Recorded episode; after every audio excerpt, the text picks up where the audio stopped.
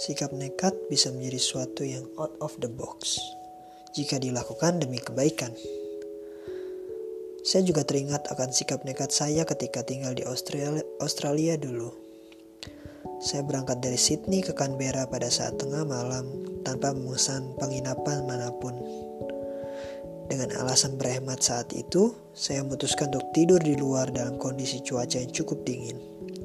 Saya pun sempat diikuti oleh seorang homeless yang sepertinya merasa punya teman baru malam itu.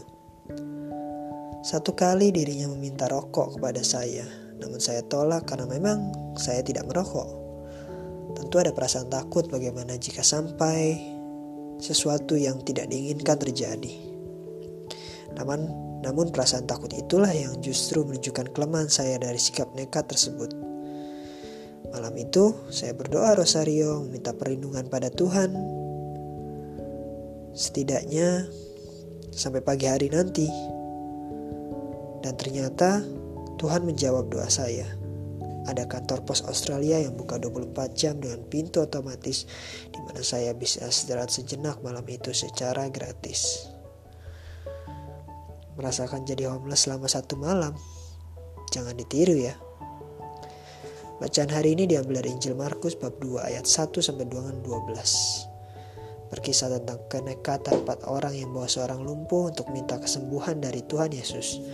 Karena kerumunan orang banyak yang ingin bertemu dengan Yesus saat itu,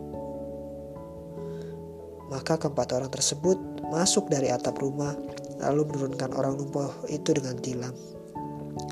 Yesus pun menyembuhkan dan mengampuni dosa orang itu secara spontan karena takjub akan kenekatan empat orang yang membawanya dan ketekad tekad iman yang mereka bawa.